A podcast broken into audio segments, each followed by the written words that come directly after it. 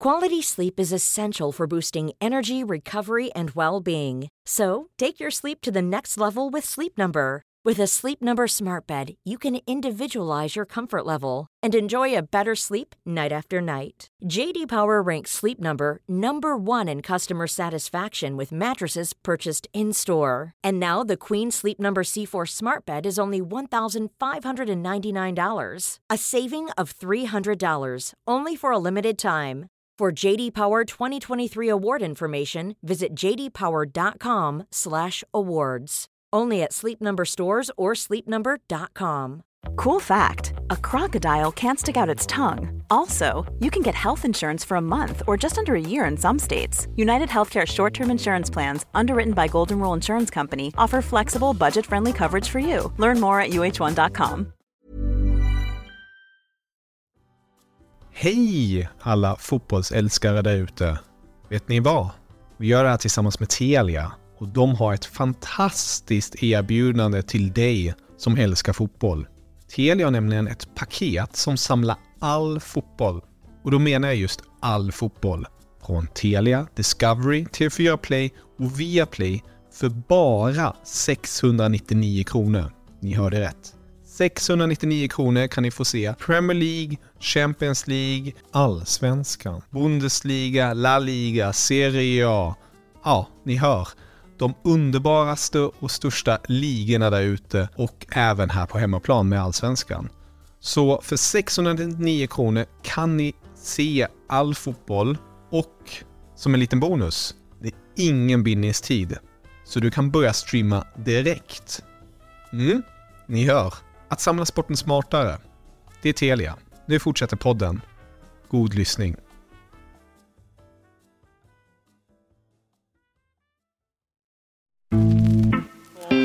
Sammen har vært Rosenborgs beste. Så det er Vinsnes. Dytter på Storflor. Og så Roar Strand!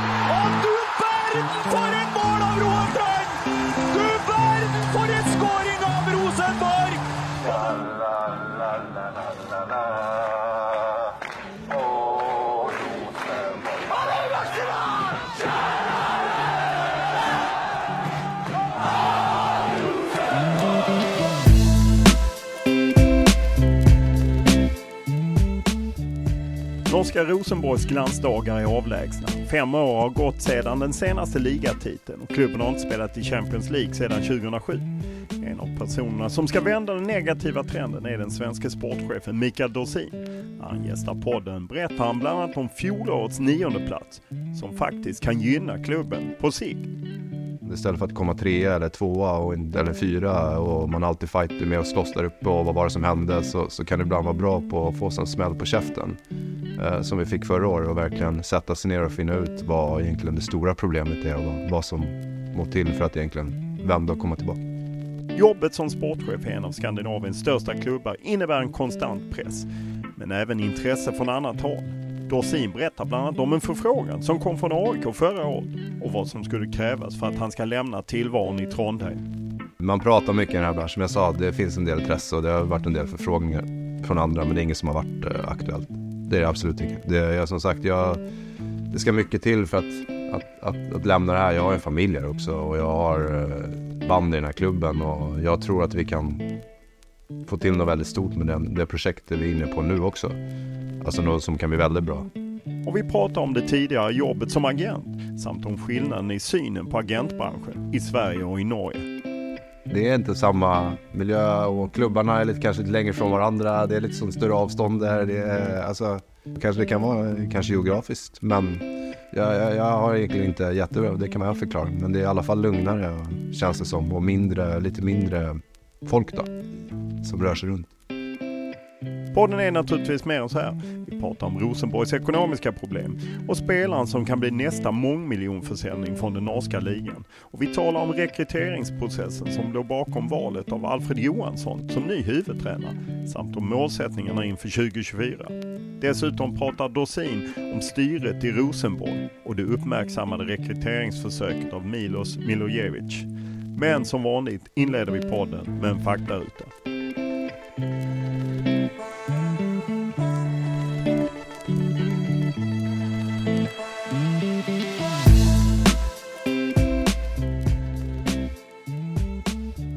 Ålder? Uh, född 81, hur gammal är man då? Då, är man, uh, då blir man uh, 43. För, ja, 43. Familj? Uh, fru, två barn. Bo? Jag bor i Trondheim. Utbildning? Utbildning. Uh, jag har en utbildning, jag har vidaregående och så har jag en master i juridik och så, eller rättsvetenskap heter det.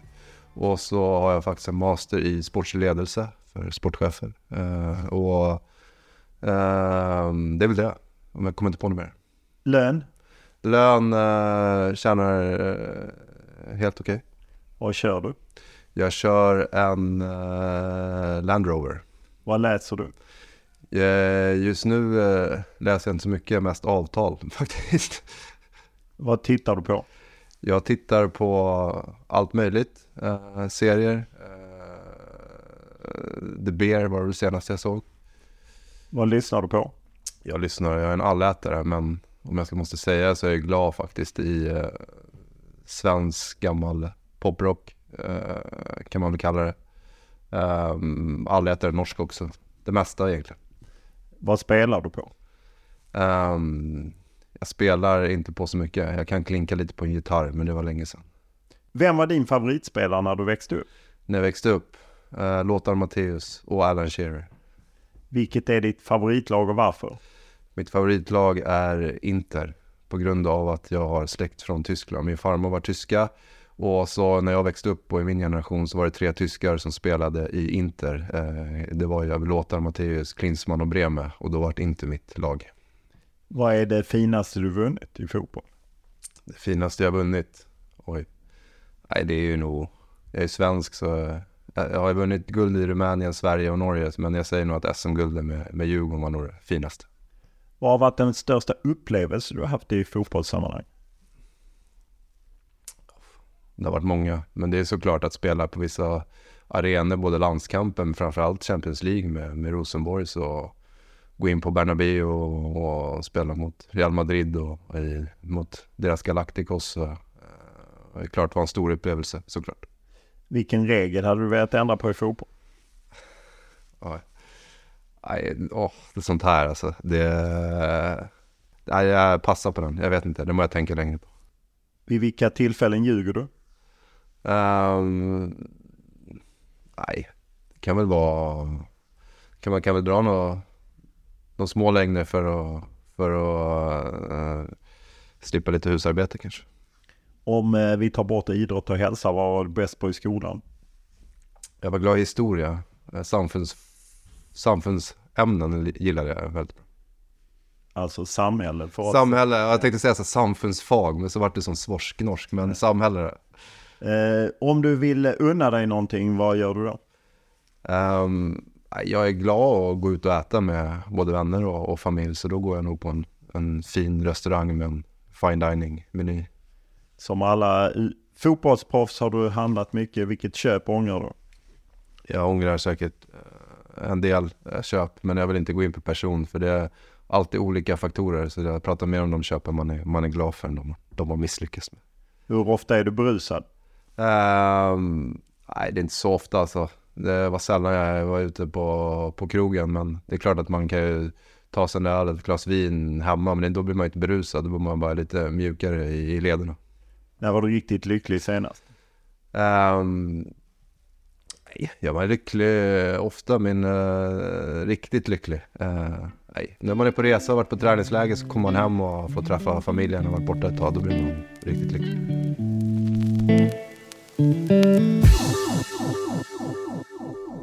När vi träffats så är det ju lite försäsong i, i Trondheim, Rosenborg. Eh, nionde plats eh, förra säsongen. Eh, vilket tryck är det på sportchef Micke Dorsin?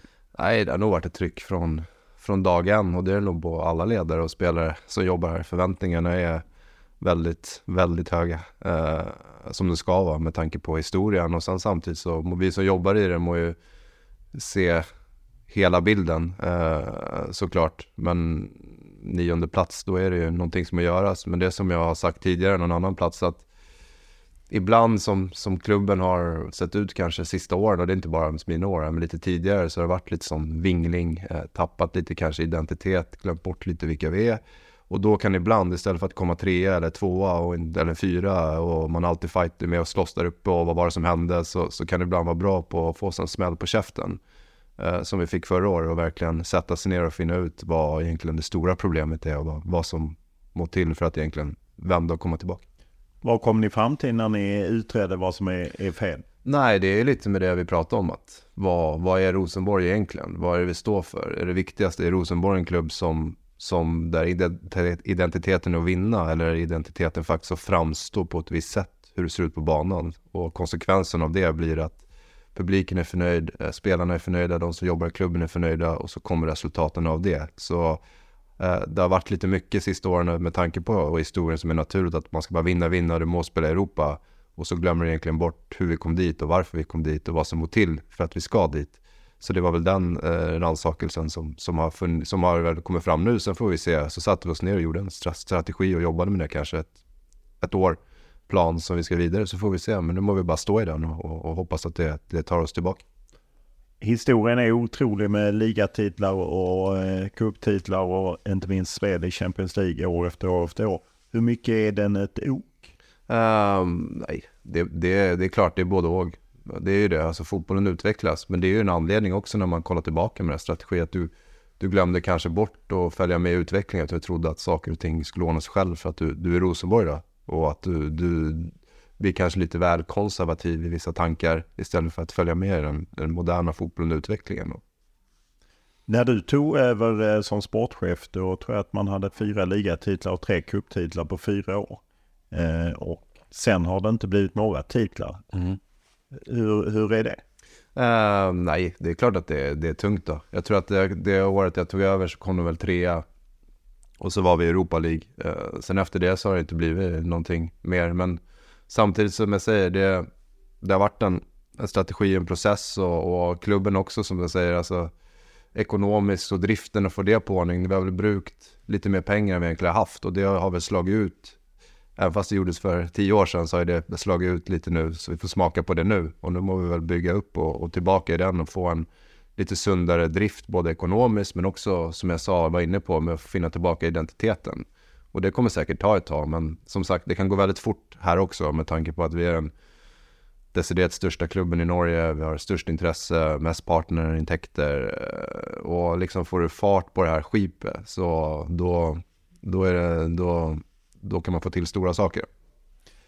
Vad är det som gör att man eh, som en storklubb kan hamna snett? Vi ser ju det i Sverige till exempel IFK Göteborg som ju man kan jämföra väldigt mycket med Rosenborg men som på samma sätt kämpar och eh, ja, kommer inte tillbaka. Rosenborg har haft mycket mer framgångar i modern tid än ja. i Blåvitt. Men ändå, det, det, finns något det där att man är ett stort skepp som du säger, men man ja. får inte ordning på det. Nej, alltså, men samtidigt så man glömmer, som, som i mitt jobb så får man också reflektera lite, att det är väldigt så här, det, det, är mycket som har hänt och alla förväntningarna och pressen och vad, alltså vi vet både internt och externt så är pressen enorm. Vi är också en open klubb så allt kommer så tätt in på oss. Eh, och du känner verkligen att det, det betyder mycket, inte bara för de som är runt här men också i, i media. Jag tror det var, vad ska jag säga, förra året i maj så var väl Rosenborg-tränaren den personen som var mest eh, på tryck i, i aviser och mest nämnd både för Håland och, och statsministern. Och det säger lite om, om intresset för den här klubben.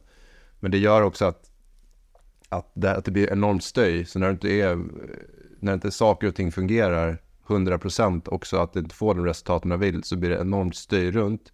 Som kan vara vanskligt att hantera för spelare, ledare. Så att du tänker på att du må göra allting rätt. Så du glömmer kanske den planen du har lagt, den strategi du har lagt. Och börja göra små ändringar, hoppa ut och inte göra det du ska för att du är liksom lite rädd för att göra fel och omdöme. Och vad ska det stå nu? Vad ska folk tycka? Istället för att egentligen följa de planer och linjer som man lägger.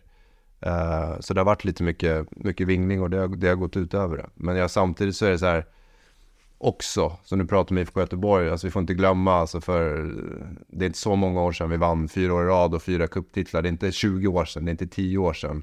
Vi var också nu i, uh, i eh, sista åren så har vi väl missat att kvala till Europa eh, en gång. Annars så åkte vi ut i playoff för tre år sedan mot PSV till Conference League eller gruppspel. Vi åkte ut mot eh, Rennes något år tidigare. I år så spelar vi mot Hearts så vi är ju hela tiden i det. Men det är ju det här sista så det är väl så små marginer att hitta tillbaka. Men som en klubb som Rosenborg så, så, så, så, så, så hjälper inte det på ett sätt. Men som sagt, den här nionde platsen kan faktiskt ha hjälpt oss lite att, att som jag säger, sticka fingret i jorden, som man säger här, jag vet inte om man säger det på svenska, och faktiskt finna ut var, var de stora problemen ligger. Och vi måste få ordning på ekonomin. Vi har brukt mer pengar än vi har och det kostar. Och så brukar du ännu mer för att du ska vinna och du ska till Europa och så går ett, ett sommarvinter, vi måste få in det, vi måste få in det och så brukar du pengar så lyckas det inte så går det bara längre och längre ner, pengarna försvinner. Eh, så kan vi inte hålla på. Och för det andra så må vi finna tillbaka, vad är Rosenborg? Vad ska vi vara för tränare? Hur ska vi spela? Eh, vem, vilka tränare står för det? Vilka spelare står för det? För att liksom, det är viktigare hur, för publiken menar jag. En tredje plats, vi spelar en, en fotboll som publiken och vi kan stå för som är offensiv med hög press där det går full fart framåt. Det är faktiskt viktigare nu än att vinna ligan. Och jag tror ju verkligen innerligt, jag som har varit här länge och både sett utifrån och spelat, att gör vi det så kommer också resultaten att komma tillbaka. Det har ju varit många tränare under din tid, eh, eller flera tränarbyten, jag tror två, som har varit inhopp, så kallade interimtränare. Nu är det Alfred Johansson rätt oprövad men ändå lite liksom fått lite genomslag i, i Sverige med sina framgångar i FC Köpenhamn. Framförallt har han haft mycket synpunkter på hur vi gör i svensk fotboll och, och så. Vad fick er att gå på, på honom som ändå är oprövad på seniornivå? Eller helt oprövad? Ja. Nej, alltså det är väl egentligen när vi satte oss ner och gjorde eh, kanske den bästa tränarprocess under min tid som jag faktiskt har varit gjord på ett helt riktigt sätt. Men jag höll på länge så var det ju satte ju fram det här jag pratade om. Alltså ni gjorde grundarbetet för vilken tränare ska vi? Ja, alltså verkligen. Det här var en del av den här strategiprocessen och finna ja. tillbaka till oss själva om jag säger det då. Um, så var ju tränare, att liksom den tränaransatsen var ju en del av det, att följa den strategin. Och då var det liksom mer än att vem, förut har det varit lite så, vi, vi må ha en stark person, Rosenborg må ha en stark person för det är så tryck och det är tryck. Men vi snydde lite på det, nej det viktigaste faktiskt ha en tränare vid... hur ser de lagen ut han tränar? Hur spelar de fotboll? Uh, hur, vad har han för, står han för för play och style, game model? Passar den in med oss och vårt strategidokument? Det var pri en då, alltså verkligen. Det, inte vara, det var, tanken var ju att det skulle vara en stark ledare eller erfarenheten spelar inte stor roll. Det var men hur ska vi spela fotboll som jag säger? Vad är det som är Rosenborg DNA och identiteten? Vem kan vi hitta som passar in i det som tränar något sånt lag? Och så har gjort stor succé och hur vi vet ju bara att han har hjälpt till FCK ganska starkt att bygga upp en, en play of style, hur de spelar och vi vet att sett hans lag spela i ungdomslag spela, hur de spelar fotboll. Uh, så det startade egentligen där. Då. Hur mycket nerver kan det finnas inne att man just sätter en uh, väldigt oerfaren tränare i, uh, du beskriver ju själv vilket blås det kan bli kring, mm. kring Rosenborg, att, att man inte alls hanterat det. Är det ett plus eller är det ett minus? Nej, jag vet inte, alltså det får vi ju svar på sen 100% men det är ju alltså det må vi bara hantera. Det har varit starka personer här och det har blåst ändå. Det handlar ju om att, som sagt, den här starka personen, det tror jag allt för det. Men vi är ett team runt, runt också som hanterar det. Nu har vi valt och nu har vi bara, bara stå i det. Så, en, så enkelt är det. Men jag, jag, tror, jag tror inte det kommer bli något, bli något stort problem. Det tror jag hur har ni funderat kring uh, One Nexus?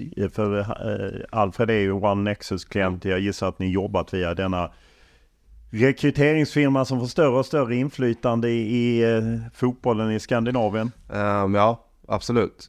Men saken var den att för det första så gjorde vi en ganska lång process innan där vi skalade av med många kandidater. Uh, och eh, Alfred var ju på den listan men sen tog vi in One som en second opinion på de namnen vi hade. Jag tror vi hade sju namn kvar då i den processen. Och då var inte involverade innan, då, innan det.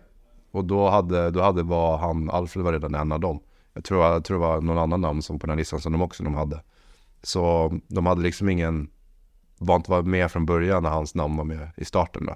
Så, men det är klart att vi visste ju om det, men det var ju vi lita på oss själva i vår, vår bedömning. Vi tar ju det vad, vad ger en sån eh, rekryteringsfirma? Vad är det för stöd och vad finns för faror i att anlita? Det, fin det finns väldigt olika. Vi har värderat flera. Så finns det många som är mycket mer som databaserade om du jobbar med utländska och det finns även skandinaviska också där du får fram till exempel en en eh, där bedöms sättet rent som spelstilsmässigt och vad du ser efter hos en tränare. Då. Där du kan få fram massa data, hur laget spelar, hur hans roller spelar och allt med allt möjligt. Medan OneXis jobbar ju mer som referensbedömt och, och, och, så och är kanske mer skandinaviska anknytet för de känner gott till det. Då. Så det är mer så. Om man eh, ser, eh, backar något år så var ju Milos, Milosevic här och mm. en omdiskuterade försök till rekrytering slutade med att han blev av med jobbet i Hammarby och så. Det som beskrivits, åtminstone i media, att du ville satsa på honom men blev överkörd av styrelsen och blev rektal istället. Vad är din bild av det hela och vad, vad hände liksom med, med Milosevic? Nej, alltså han var ju aktuell och en väldigt bra tränare. Gjort det, gjort det väldigt bra bra efter. Så är det så. Så är den i Rosenborg så är det så att det är ett styre som, som eh, till slut tar beslutet vem som ska bli, bli tränare. Eh, så enkelt det. Ja, du fick vika ner det helt enkelt? Nej, äh, det är, alltså som sagt, det är ett, eh, alltså det är, det är en klubb och jag jobbar för klubben. Så är det som sagt ett styre som har det sista, sista besluten när vi ska välja tränare i, i saker och ting. Så, så enkelt är det. Så det får man bara, det har jag fått höra och det, det så är det. Men uh, så kan man alltid ha olika meningar och tankar och det, det är lov det. Så är det. Så, det eh, ja, det, men så enkelt är det. Ja, så, så. Det, det, det, är inget man kan diskutera i Rosenborg helt enkelt. Nej, det går att diskutera, men det tar vi bakom stängda dörrar och så får vi se om det blir någon ändring i eventuellt de processerna för att vad som är det bästa för klubben. Men i alla fall fram till nu så har det varit att uh, att det är styret som har sista, sista ordet. När jag lyssnar runt lite så beskrivs det som att du har fått lite mer makt i år eh, kring både ja, rekryteringar och annat. Hur, hur, upplever du det? Vad är det? Nej, det blir lite ändring i organisationen. Ja. Förut har det varit lite sån som jag sagt, det har varit en lite sån, vad ska jag kalla det, mer skandinavisk konservativ modell där tränarna har eh, och sportchefen har varit relativt likställt som är väldigt fint. Men så har man olika nivåer. Nu är det väl organisationsmässigt så är väl den sports, eh, sportsliga ledare som vi kallar det här i organisationskartet. Alltså som är ledaren för, för A-laget och huvudtränaren på så sätt. Samtidigt så är det liksom i alla plan. Samtidigt så är den bäst, starkaste fotbollsfagliga personen är alltid huvudtränaren. Så dialogen och, och samarbetet mellan en sportchef och en, och en huvudtränare må ju vara väldigt bra. Det är det. Men det är väl mer det som har förändrats. Förut var det lite mer flat och tränaren hade lite mer mandat i vissa frågor och sportchefen i andra. Så skulle man kalla dig mer av en engelsk manager eller? Nej, inte mer manager. Jag tror att det är mer, managern är ju tränare mer som en, en sportchef i en engelsk klubb också. För det finns ju sportchefer också som är över, men, man, som är över managern kan man säga. Men hur är din relation? Är det fortfarande styrelsen som har väldigt, väldigt inflytande kring de sportsliga frågorna? Typ ja. tränare? Uh, ja, alltså som i en process här så en, ett styre i Rosenborg är väl de alltså, de ansätter tränaren, de uh, avskedar tränaren uh, och de uh, bankar in budgeten. Liksom. Det är det som är deras frågor. Sen hur det görs och man, vilka processer man ska ha, det har väl varit uppe i diskussion, men det, har varit, det är väl det som är, är faget. Sen är det hur man ska sätta det på spissen och hur man jobbar, det är väl det som är, är kanske må, må, må tas, tas upp lite på så sätt för att det ska bli mer en flytande och mer enklare kanske att, jobba för alla här. Hur har du upplevt det? För jag gissar att det inte bara är huvudtränaren som det kan blåsa till om när framgångar uteblir, utan det blåser ju även till och det, det kan man ju prata med lokala journalister så förstår man ju det att även du har varit ifrågasatt. Hur har du upplevt det? Uh, det upplever jag helt naturligt, för det är en del av, av det här. Uh, men det är jag ganska förberedd med och det är jag faktiskt ganska lugn och rolig för. Uh, men samtidigt är det så här, man känner ju jag tror att man kommer till en punkt, känner du att du liksom har fått ut allt och dina idéer och så går det åt helvete. Då är det bara att ta säcken och så kan man säga tack, jag gjorde allt jag kunde, mina idéer och tankar funkar inte. Men jag är, ett, jag är en, jag är en starjävel och jag vill i alla fall få pröva och på mitt sätt eh, vad jag tror är bäst innan jag eventuellt packar säcken och går. Så du vill eh, köra på helt enkelt? Hur, hur nära har det varit att eh, styrelsen sagt att eh, tack och hej? Det, vet, det får du fråga dem. Det är nog att jag, det har man väl känt på ibland. Nej, jag vet inte om jag har känt på det, på det så. Jag, jag har starka band till den här klubben och, och som sagt, det är lite så här olika... Man, när man jobbar i det som, som en helhet också, det är som jag säger, att utvecklingen också som, som klubben har haft har ju varit beroende på saker eventuellt som hänt tidigare med ekonomi och att andra klubbar har utvecklats och gjort det väldigt bra och så som vi var inne på i starten. Um, så det är ju också sådana såna frågor, alltså det är sådana saker som också gjort att vissa resultat har inte bara berott på en tränare faktiskt, eller en spelare eller, eller en, en sportslig ledare. Det är många andra saker som har, som har hänt förut som gör att det är så. Men så får man ju jobba samman och så är det vissa personer man tror mer på och kan klara att snu det och, och stå i det och, och, och, faktiskt också ha nycklarna för att och, och lösa det. Och då tippar att jag både tror på mig själv och jag tror att klubben tror att jag, jag har också.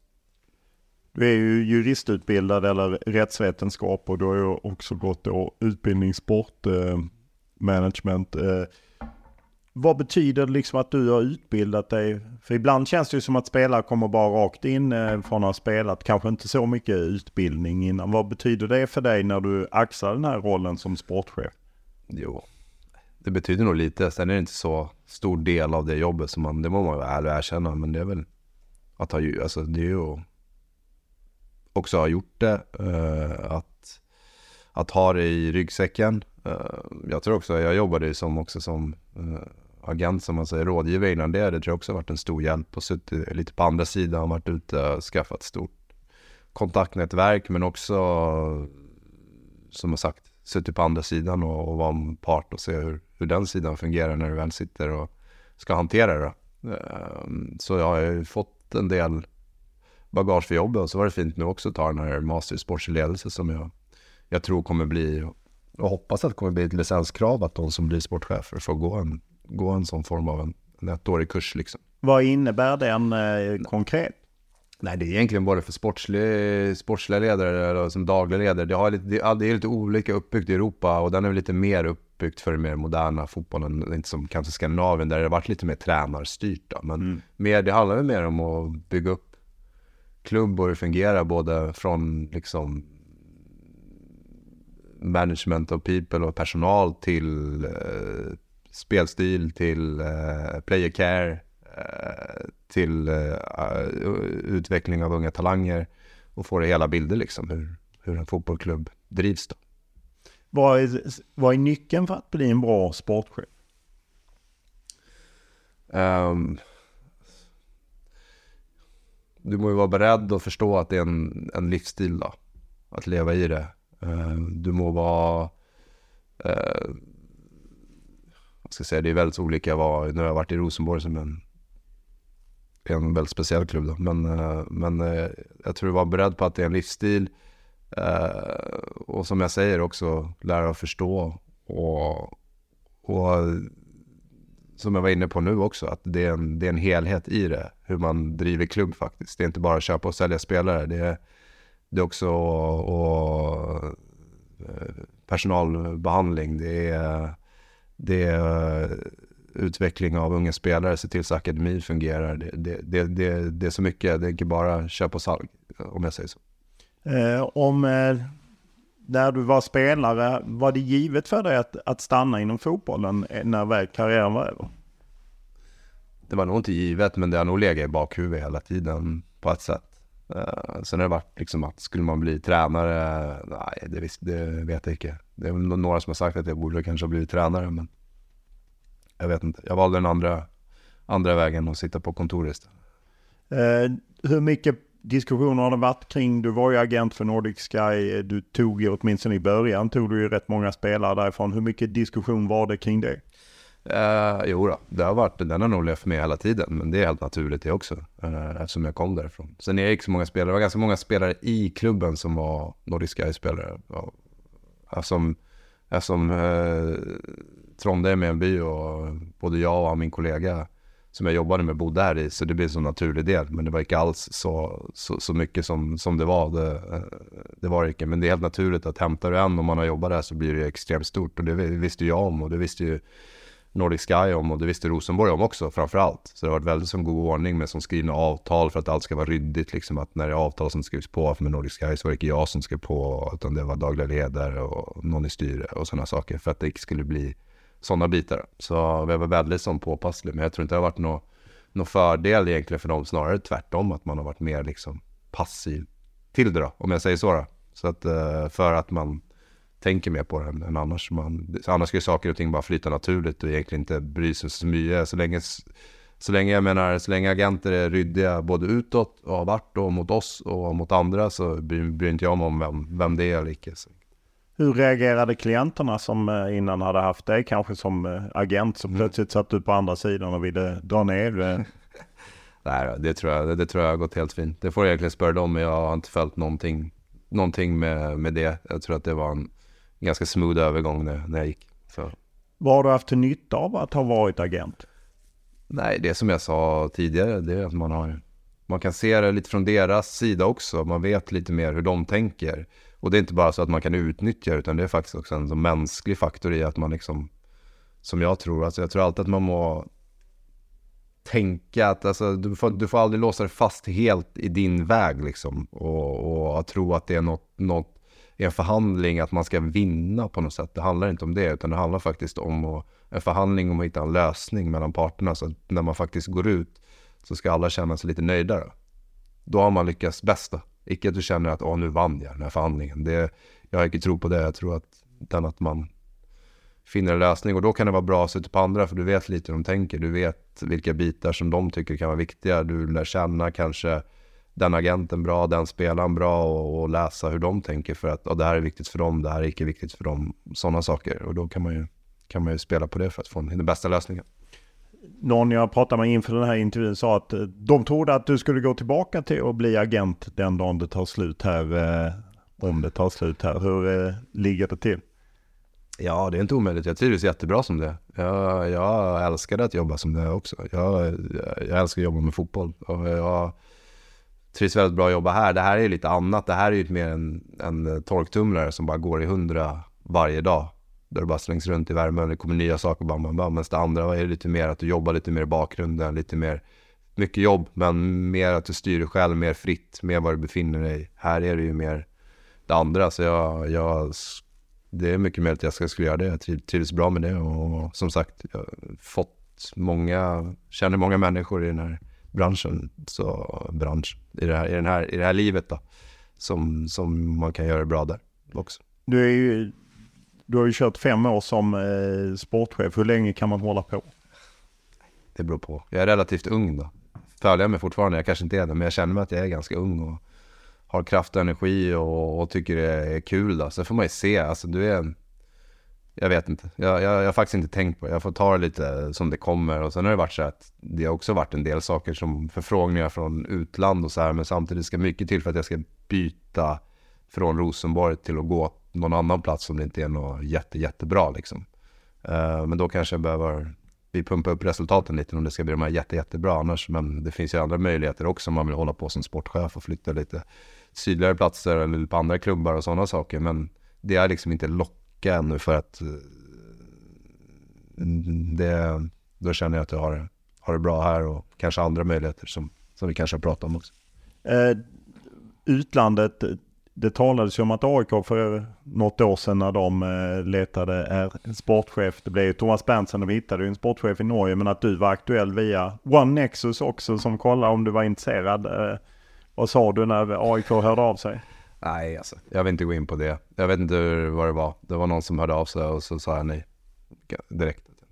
Hade lust. Alltså sen om det var en konkurrent, om det var bara en check generellt eller vad det var. Men jag sa bara att jag inte hade lust med det. Så det var aldrig aktuellt. Eh, varför är inte det aktuellt? Är det kopplingen till Djurgården eller är det att lämna Trondheim eller vad? Det, det, är nog en helhetsfaktor. Det är nog många, många faktorer. Men eh, framförallt så är det att jag, det är ju alltså, eh, ja, som jag var inne på också nu tidigare var att jag är här och det menar jag är, bättre än många andra klubbar. Eh, när du pratar utlandet, eh, finns det fler erbjudanden från Sverige som har kommit? Uh, nej, icke, från, icke från Sverige. Men från andra länder då helt enkelt? Man pratar, man pratar mycket i den här branschen. Som jag sa, det finns en del intresse och det har varit en del förfrågningar från andra. Men det är inget som har varit eh, aktuellt. Det är det absolut inte. Det, jag, som sagt, jag, det ska mycket till för att, att, att, att lämna det här. Jag har en familj här också och jag har eh, band i den här klubben. Och jag tror att vi kan få till något väldigt stort med den, det projektet vi är inne på nu också.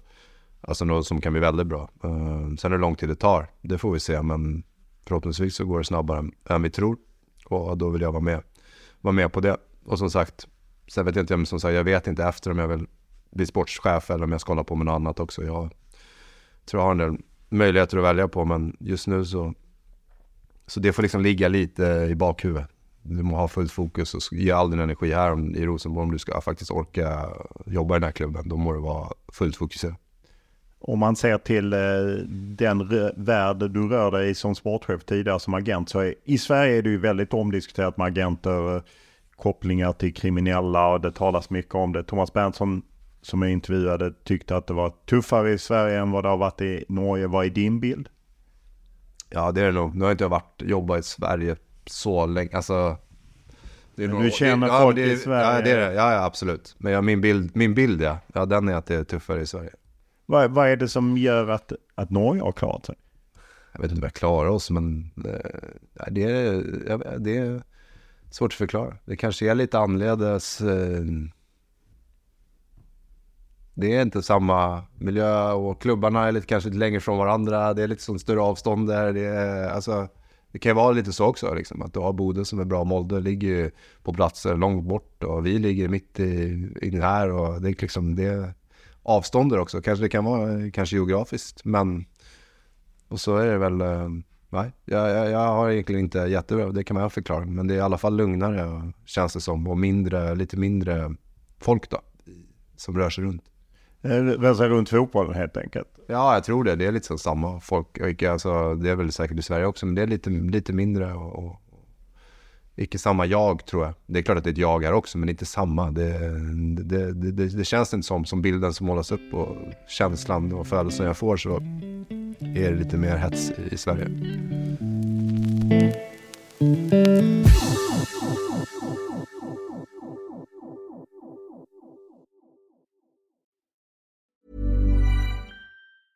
A lot can happen in three years, like a chatbot may be your new best friend. But what won't change? Needing health insurance. United Healthcare Tri Term Medical Plans, underwritten by Golden Rule Insurance Company, offer flexible, budget friendly coverage that lasts nearly three years in some states. Learn more at uh1.com. Quality sleep is essential for boosting energy, recovery, and well being. So take your sleep to the next level with Sleep Number. With a Sleep Number smart bed, you can individualize your comfort level and enjoy a better sleep night after night. JD Power ranks Sleep Number number 1 in customer satisfaction with mattresses purchased in-store. And now the Queen Sleep Number C4 smart bed is only $1,599, a saving of $300 only for a limited time.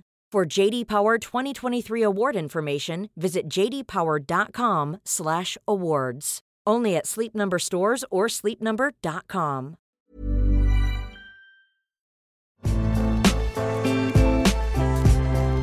Videre mot Pellegrino. Her er muligheter for Pellegrino! Der sitter nummer 24! Og ikke minst målpoeng nummer 38. Denne rekorden er nå hans. Det, det, det, som är viktigt att ha med sig när man pratar om Rosenborg, det är att historiken är där. Och det är ingen tvekan om att, eh, att Rosenborg är en, en klubb som är för toppen i Norge.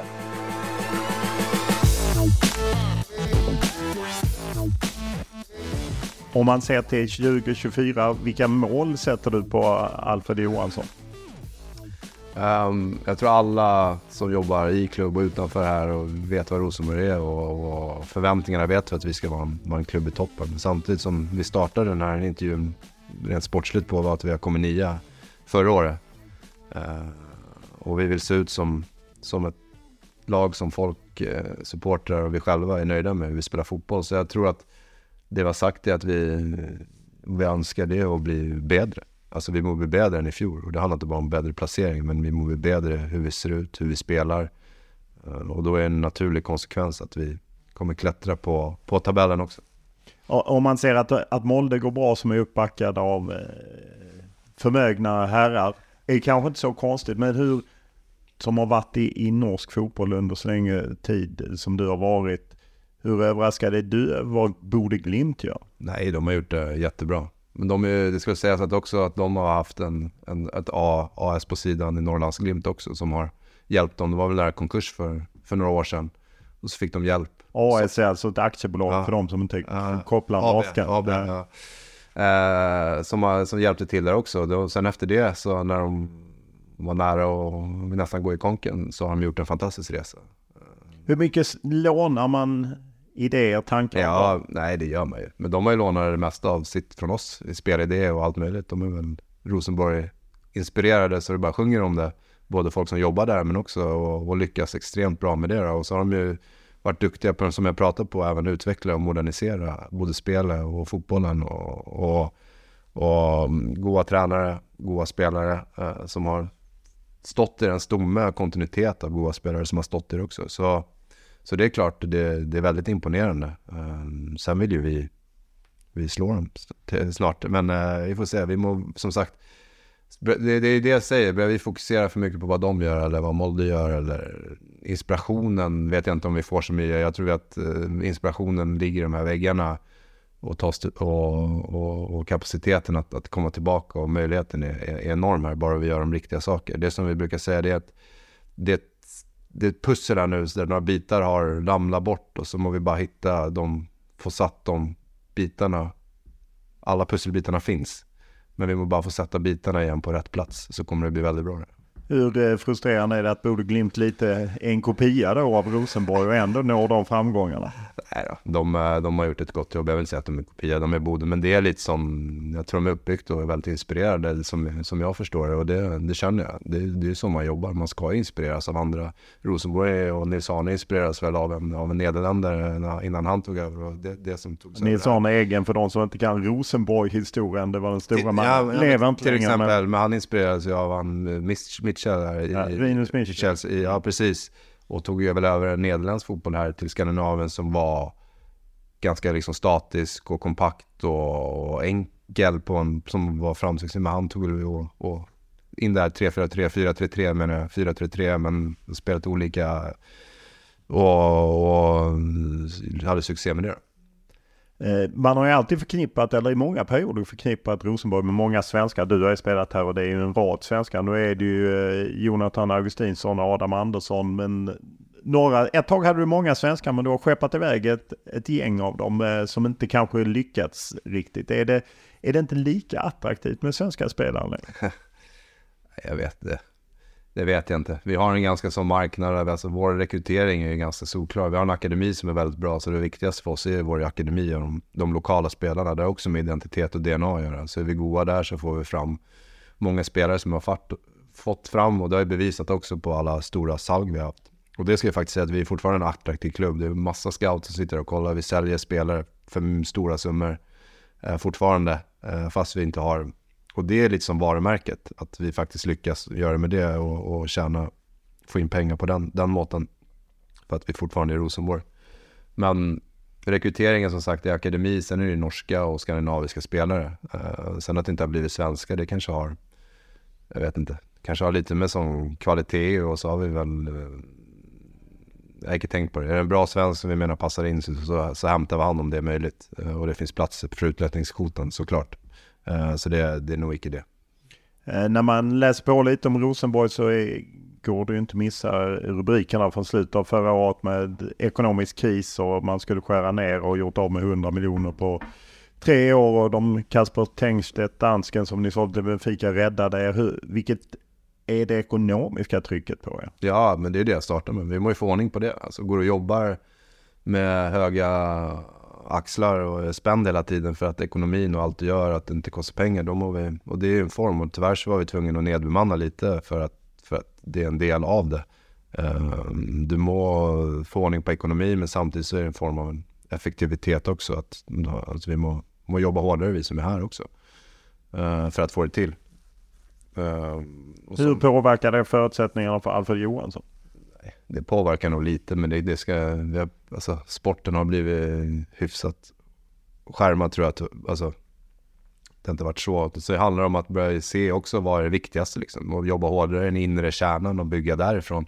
Istället för att fylla på massa utifrån i olika saker. Så det faktiskt, Där här är fotbollsklubb. Eh, det är laget, A-laget som är viktigast. Det är det som genererar. Och sen må, man nog se att man har en god tränare, man har en god spelare runt han så bara ha goda, eh, goda spelare och så bygga runt så istället för att när det lätt blir när man får massa att man fyller på och så, och så, och så går det inte helt som man ska och då sitter det och, och, kostar massa, massa pengar. Men Och det har vi som sagt, vi måste få ordning på driften. Alltså den har vi har brukt för mycket av och det, är helt, det blir ju så helt naturligt. Men samtidigt så är det så att du får ju, som jag säger och kommer in på det igen, det här jaget att du må, må, må, du må vinna för att du ska, faktiskt ska kunna få gå i plus. Du må vinna för att rädda det här. Och, men då när du måste saker och skulderna blir höga så, så levererar du inte på topp heller. Vilket tryck blir det på den sportsliga? Ibland har man ju hört spelare som har känt att ja, men åker vi ur så är det, det är tufft sportsligt. Men man ser folk som blir av med jobbet och liknande. Ja. vilket tryck är det på er att de faktiskt behöver skära för att ja, det, ni inte funkar sportsligt? Det är klart, så, men det funkar inte så heller. För det handlar som jag säger, vi har, alltså, även om resultaten har icke varit de bästa. Så det beror på hur man bedömer det här. Nu du frågar förut, nu kan man svara på frågan med rollen också. Det är ju faktiskt så att en klubb drivs ju, det är olika parametrar. Du har intäkter, det är partnerintäkter som kommer in. Sen är det sportresultatet och så är det spelarsalg. Det är det som är stora när du inte har ägare som kan putta in pengar. Det är så du tjänar pengarna egentligen. Um, och jag tror aldrig vi, de sista åren har vi väl, uh, vi har väl aldrig sålt så mycket spelare heller för att få in pengarna. Och samtidigt som vi pratar, vi säljer spelare men så går vi ändå i minus för mycket pengar. Då är det, det är en total driftgrej då. Det är inte bara att vi inte är som sportchef som har och sälja spelare är en del av det jobbet som jag har också. Och som jag säger, alltså man kan ju bedöma och säga det också om man ska liksom klappa sig själv på axeln för någonting. För det måste man också, man kan inte bara gå runt och piska sig. Och det är faktiskt att vi har varit, som jag sa också, att vi har varit goda på att sälja. Vi har fått in stora salg. Och det har faktiskt hjälpt till också så att vi faktiskt inte har gått helt i dekis också om jag säger så. Så då får man också, det må man ju också ge som ett positivt för någonting man har gjort. För man må ge sig själv lite ros ibland också. Ni släppte Brotheim eh, gratis utan procent. Eh, Åge Hareide han lirade inte riktigt ihop eh, kan man väl säga eh, om vi är snälla. Eh, hur mycket svider det när han sen gick vidare och genererade pengar? Jo, alltså sånt svider alltid. Men samtidigt är det en del av fotbollen. Det är beslut man tar. Vissa spelare funkar inte alltid ihop med och man har sett många exempel där spelare går till någon klubb och så går det bra där och så går det inte bra där. Det, det är en del av fotbollen. Så handlar det om att ha så få case som helst eller så få case som möjligt av, av sådana grejer. Då. Eh, såklart, men man kan inte tänka på det nu faktiskt. Så, så enkelt är det. Du, man, man, man, får väl kanske lära sig någonting av det, det är ju det. Alltså, så är det. Men det kommer uppstå någon sån situation igen, det tror jag. Men uh, det må bli färre. Eh, Sverre Nypan, eh, hur stor talang är han? Eh, jo, han är... Det är klart att den är en stor talang, det tror jag alla, alla som har sett. Och du som jobbar i svensk media och pratar med norsk media så tror jag att du kommer förstå att både på sättet han har spelat i så tidig ålder så, så, um, så tippar jag att han är, det är inte många 06 i, i Europa som är, har samma ut, samma, där han står nu tror jag icke är så många. Eh, vad jag förstod, eh, Erling Haalands agent eh, har gått klivit in där. Eh, är det bra eller dåligt? det tror jag nog, det blir nog, det blir nog bra tror jag. Hur dyr kan han bli och är han till salu? Vi har ju sett i Sverige, Lukas Bergvall går ja. till Tottenham, din eh, förra arbetsgivare eh, och vi såg eh, Jonah Kusiasare och eh, Sonko. Sonko från Häcken till Gent, stora pengar. Är det liksom, ser du det som en boom och att ni kommer sälja en nypa? Ja, det är alltså i, en klubb som han har presterat och i den åldern är så är det klart att vi ser oss för oss det och få ett, få ett stort sak. Alltså, det är ju självklart. Så vi förväntar mycket, men samtidigt så är det... Hur mycket förväntar Nej, men det är fotboll nu också. Så nu har vi sagt, vi vet att han, det här fönstret har, han kommunicerar och vi kommunicerar ganska hårt att tidigast han ska gå, eller han vill gå själv, är väl i sommar. Så det är inte säkert att det är det bästa för han heller, utan för oss heller. Uh, men ja, vi har väl, fortsätter han som han avslutade förra året och i år och startar så och så så har han en, en god, god, um, vad ska jag säga, så är det goda pengar som, som tror jag kan komma in för oss när det blir oavsett. Hur många klubbar följer honom? Det är nog många, men uh, och det tror jag både Rafaela och Sverre har, har full, full styr på. Eh, men du också naturligtvis, de eh, ja. pratar. Är det redan nu att ni nobbar bud? Alltså som sagt, dialogen har varit ganska utåt från våran sida och från Sverres sida, alltså, då, som representeras av sin rådgivare Rafa, Rafaela, har varit att i vinter så kommer det inte, alltså han ska stanna här.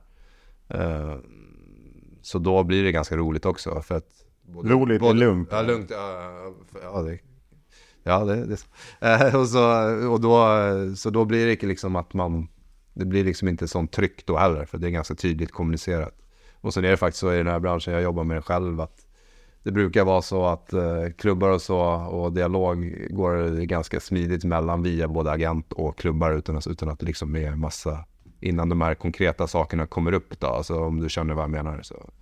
Det är väl sällan är det, det klubbar på liksom högsta nivå som följer honom, ja. ungefär som det var med Bergvall? Ja, det är men, men samtidigt så är det sällan så, det är sällan det bara tickar in ett bud utan att man vet om det innan. Att det bara kommer in på mejlen. Det sker ju, det sker ju inte. Alltså, alltså det, det kan ske, men då är det inte med, med sådana här spelare. Utan det är en dialog oftast innan att det här är ingen idé, ni kommer i vinter och ni får ta dialogen med dem och så kan vi komma via det. Och så, alltså. hur, hur väger man eh, ja, en kontraktsförlängning eller liksom så?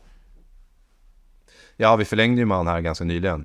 Och sen när man är under 18 så kan man skriva tre, tre år. Så, så um, vi har ju ganska långt kontrakt på honom fortfarande. Så långt vi kan ha egentligen. Så, så vi...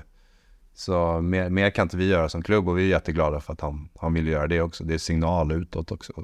För alla andra unga här också. Så vi, vi har... Slår ni Bergvall, eh, Hugo Larsson-nivån? Nej, det får vi se. Jag vet inte. Vi, det handlar inte alltid om det heller. Det handlar om en dialog. Alltså, spelaren må vara jag tror ett samspel man vinner på det i längden. Ska du få, vill ha hit spelare och framspelare så handlar det också om att ha en jävla bra snack med spelare, agent, familj, alltså vad som är bäst för han också. Sen om det eh, sen har det en viss nivå såklart, alltså såklart, men alltså vad du förväntar och vad som är, är priset. Men för att kräma ut det sista så tror jag, jag tror inte det ska stå på att man, det må lyssna på spelaren också. Eh, hur noga följer du svensk fotboll idag? Uh, jo då. det är klart, det är helt naturligt. Liksom. Jag har min familj, bor ju där, jag har massa vänner och massa folk och känner. Så det är klart att vi, vi följer det, både arbetsmässigt men också av att jag gillar det. Liksom. Vad är din bild av, eh, jag menar, jag och eh, din gamla landslagskollega Kedman hade ju en serie om svensk fotboll, mm. lite krisen i svensk fotboll. Inte, vi hade ju med Alfred Johansson som mm. hade tydliga synpunkter om vad som brister och Thomas mm. Berntsen har ju kommit till svensk fotboll och talar om att svenska spelare tränar för dåligt och åtminstone det han har sett och så. Vad, vad är din bild? Vad är, vad är det som brister som gör att, jag menar landslaget går ju dåligt på här sidan. Eh, allsvenskan är ju långt efter eh, det som jag kallade tippeligan, det heter väl det lite serien nu. Vad är det som brister?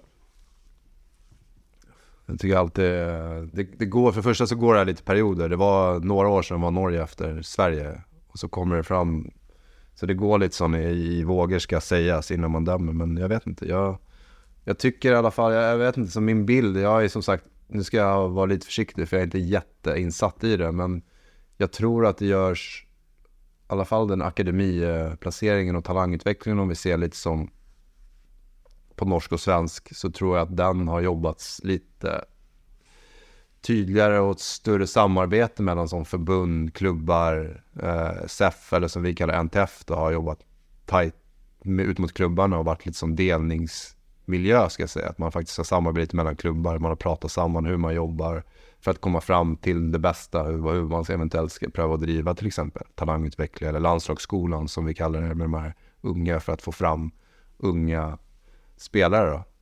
Eh, till exempel och talanger och där har Norge varit ganska bra sista tiden, sista åren. Så att, där tror jag vi ligger lite före Sverige, så där tror jag faktiskt Sverige kan kolla lite på, på hur Norge, Norge har jobbat. Det, det, ja, bland annat, bland annat det, och det visar ju också nu på landslaget, tror jag också. Men svenskarna nog börjar ändå komma, nu börjar det bli lite en generationsväxling där unga spelare som spelar ute, eh, förhoppningsvis ännu mer och gör det bra. Så jag tror att det, det, det ser lysare ut än många tror. Sen kan det ta några år till då. Men medan jag tror att Norge som inte har varit på mästerskap på länge och det kanske är något mentalt där. Jag vet inte eftersom jag inte har varit där. Men de börjar ändå få fram ett ganska ungt och hungrigt och ett lag där många spelar på större klubbar och faktiskt spelar ute, utomlands. Eh, så, så, så det må vi nog få till i Sverige också. Ja, för det är ju svårt att som svensk inte bli avundsjuk på jag menar Norge som har både Haaland och Ödegaard som spelar i topplag i, i, Premier League. Det är ju ändå ett tag sedan Sverige hade det. Och så är det några fler också som man glömmer bort som faktiskt spelar som fast i Dortmund och spelar fast i Celta Vigo. Och de spelar fast i Villarreal och de spelar fast. Alltså, de spelar i stora, fast i Benfica, de spelar, så det, är liksom, det gör ju någonting med, med hela, såklart hela, hela näringskedjan neråt också. Så. Eh, så att eh, man har ju även förstått att det eh, norska tv-avtalet eller liksom från det som är norsk toppfotboll att man skickar ut en del pengar som är liksom öronmärkta till talangutveckling till er. Mm. Hur mycket betyder det? Jo, men det är som jag säger. Men så tror jag också att det, det inte bara pengarna, men det gör att du sätts i ett system där du faktiskt jobbar och ser lite vad de andra klubbarna gör och lär från varandra och, och delar vad som är bra och dåligt. Då. Att du vågar öppna upp och faktiskt samarbeta. Att, eh, att faktiskt förbund och eh, NTF och klubbarna samarbetar ganska tajt för att få till någonting. Pröva hjälpa varandra och sen kommer det alltid bli fördelning. Alltså det blir alltid så att någon, de som är lite mindre klubbar när man fördelar olika pengar. Det är inte bara akademiklassificering som vi pratar om i NTF utan men även annat så blir det alltid att man ser sina sidor av saker. Men det är att försöka att gå bort från det där och faktiskt se vad som är bäst. Att man liksom klarar att lägga till rätt flytta och flytta kamper för att eh, klubbar ska lyckas i Europa och att det faktiskt är lite accept och känn från de andra klubbarna som ska möta att deras kamp eller match faktiskt blir flyttad eller att man lägger till rätta och försöker flytta. Det, sådana saker tror jag är lite smidigare här än det kanske har varit i Sverige och den kommunikationen, de frågorna är uppe kanske oftare som gör att det faktiskt lägger till rätta för de lagen som har chans, med sig att gå till Europa, som gör att det faktiskt, de marginerna, att de faktiskt klarar att gå till ett gruppspel eller klarar att gå, som genererar att vi får mycket högre poäng, vi kan få mer lag in i Europa, våra spelare, norska spelare blir mer attraktiva för att de spelar i Europacup och blir lättare att sälja och då gör att vi tjänar pengar, alltså som går ner i systemet. Sådana små saker kan jag tycka kanske är smidigare i Norge än det kanske har varit i Sverige. Nu, eh, det är ju din gamla lagkamrat både från landslaget och Djurgården, Kim Källström, som nu blir fotbollschef eh, på eh, Svenska fotbollsförbundet. Ska styra upp det. Vad tror du han har? Um, jag vet inte. Jag blir, väl, alltså jag blir inte helt objektiv eftersom jag är en, är väldigt god vän med Kim också. Så.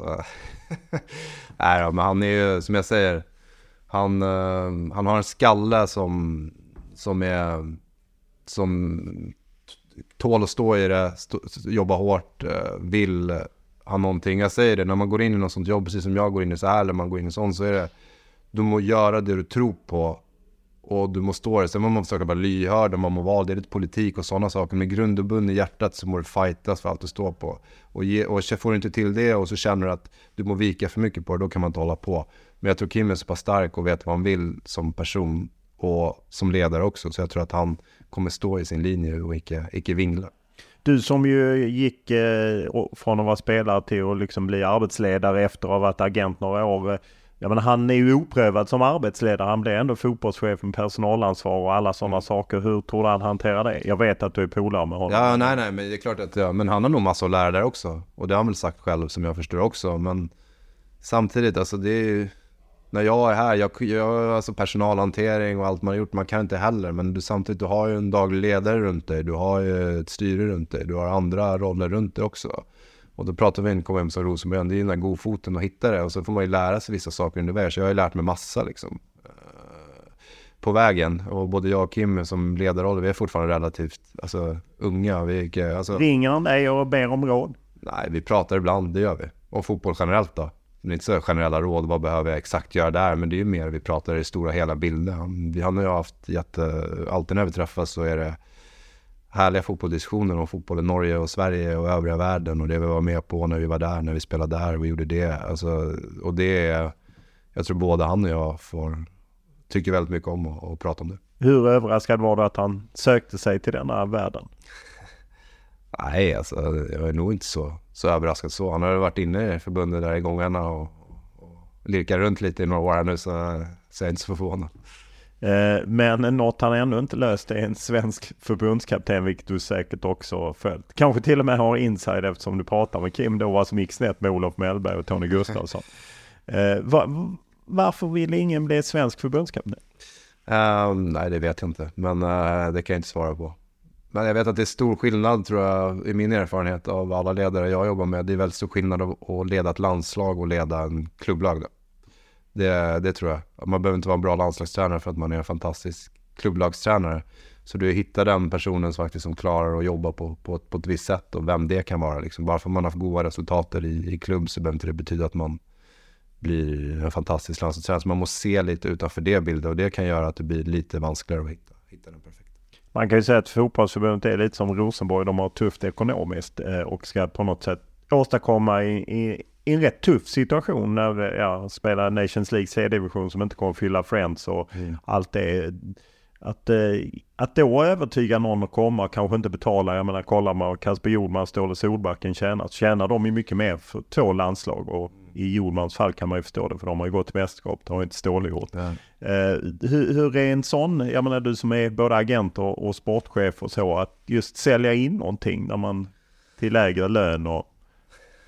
Nej, så det är väl en del av att folk, alltså Samtidigt så kan ni finna ut ganska starkt också vilka, alltså det är som sagt, du måste ha en kompetens alltså det för att kunna klara det. Det handlar inte bara om att hitta den billigaste lösningen för att det är det bästa. Eh, men samtidigt så, det är, kan ju lirka, men att om man hittar någon som brinner för det och har en kompetens och är villig att offra någonting så kan ju det vara något mycket, att det är en drivkraft. Mer än en stark ekonomi och att det ska vara värt det så klarar man som när man rekryterar och som ledare att hitta de spelarna, oavsett om det är en tränare eller att det är en spelare eller vad som helst. Det finns inget som är bättre än det, att få fram den här guldkornet som man faktiskt icke betalar så mycket för, men som blir den bästa för att han var, man har sett någonting som ingen annan har hittat också. Så det är ju det man måste sälja in och finna det och få fram med den personen och, och tror jag, och känna. Sen är det alltid en magkänsla, du må ha någonting på papper och du må ha gjort någonting, men samtidigt så är det en magkänslan är ganska stark. Eller magkänslan är ganska viktig i vissa beslut också. Man tar. Eh, är du så mycket norrman så du tycker att det är gött att Norge på något sätt seglar om Sverige? Nej. Eller svider det att eh, Sverige är, är svaga? Nej, jag, jag hejar faktiskt på, alltså jag, nej, jag vill att båda ska, ska göra det bra också. Och så är det så, alltså jag har ju bott här så länge.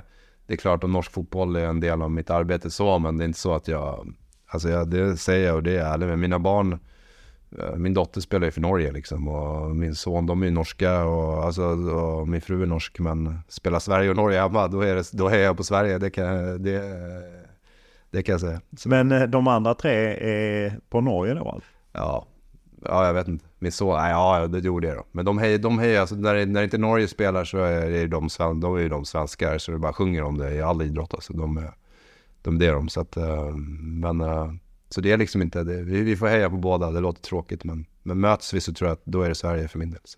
Eh, du, du nämner ju själv din dotter eh, Freja eh, Brännskog Dorsin. Dubbel Ja, Brännskag Dorsin. Eh, Brännskag, okej. Okay.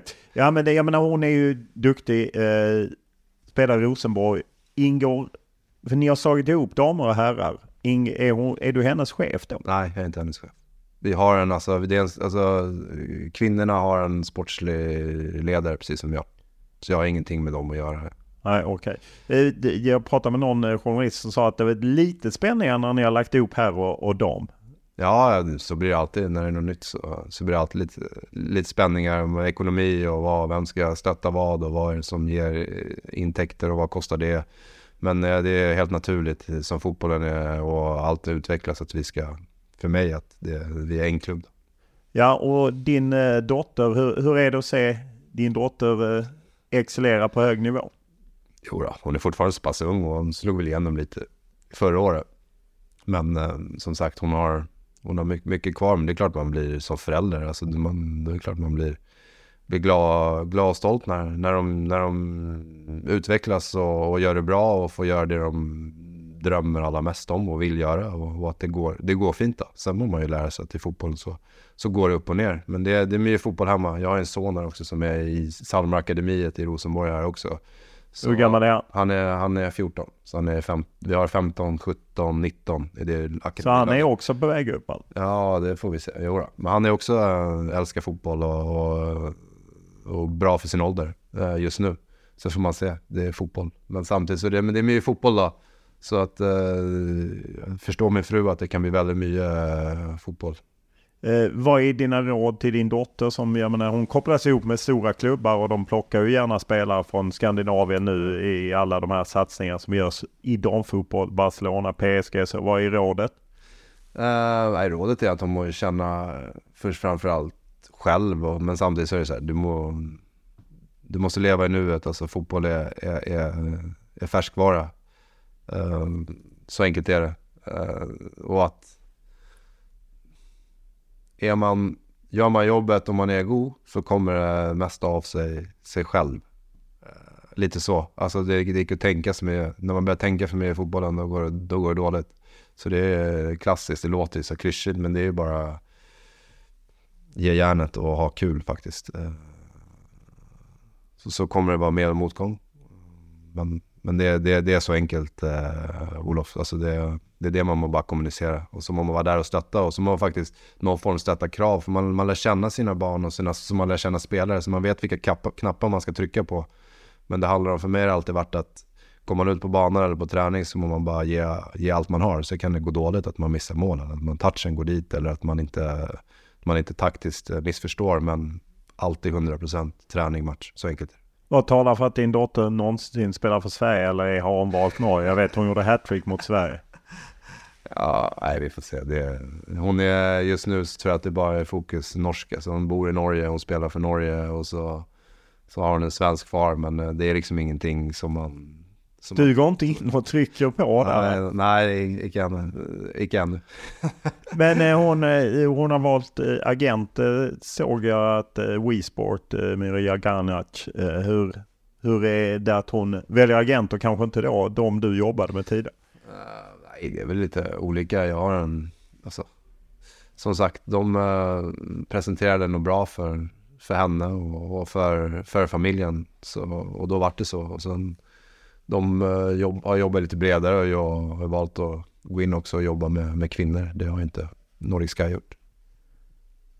Men, eller, eller alltså de som jag har pratat med. Precis. Eh, men eh, hur är det att för, som pappa följa liksom, jag menar du har gjort den resan från eh, talang och hela vägen upp. Hur är det att följa det från sidan? Jo, det är, det är lite speciellt.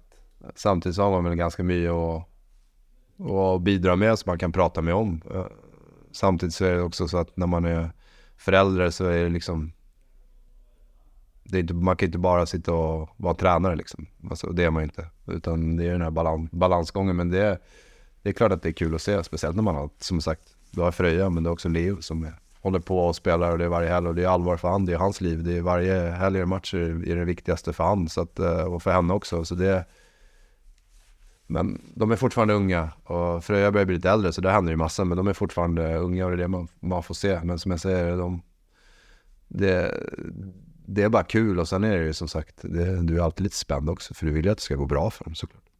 Eh, vad talar för att, eh, eller vilka, de är inte vänsterbackar helt enkelt? Nej, inte ännu. Man får se om de också går bakover som jag gjorde. Nej, Nej de är inte det ännu. Jag tror inte de man vet aldrig, man ska aldrig säga aldrig men jag, jag tror... Det är inte vad de aspirerar? Nej, de är inte lika spelskickliga som jag var. Nej, jo, nej de, är, de, är, de blir nog inte vänsterbackar, det blir mycket.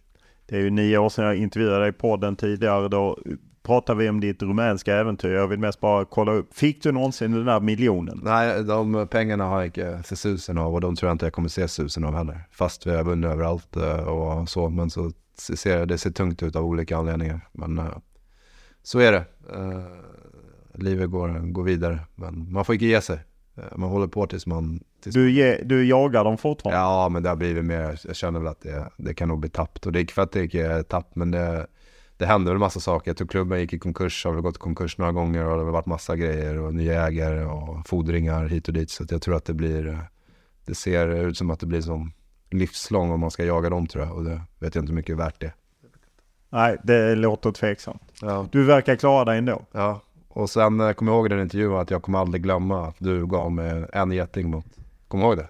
Absolut, jag lyssnade igenom Skottland, det glömmer inte bort. Evertons tränare satt på läktaren. Och gav mig skryt efter matchen. Ja, ja precis. Ja, Men precis. Eh, det, det är väl 20 år sedan den matchen ja, spelades. Nej, det var, bara, det var bara kul. Det är alltid kul. Ja, det är alltid kul. Stort tack. Ja, tack själv.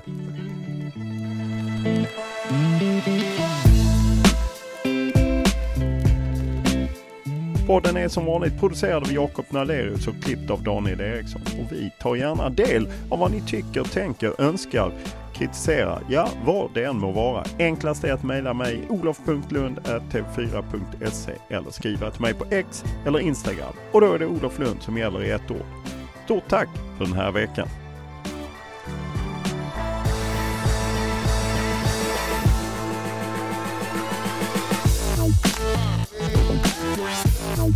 Musik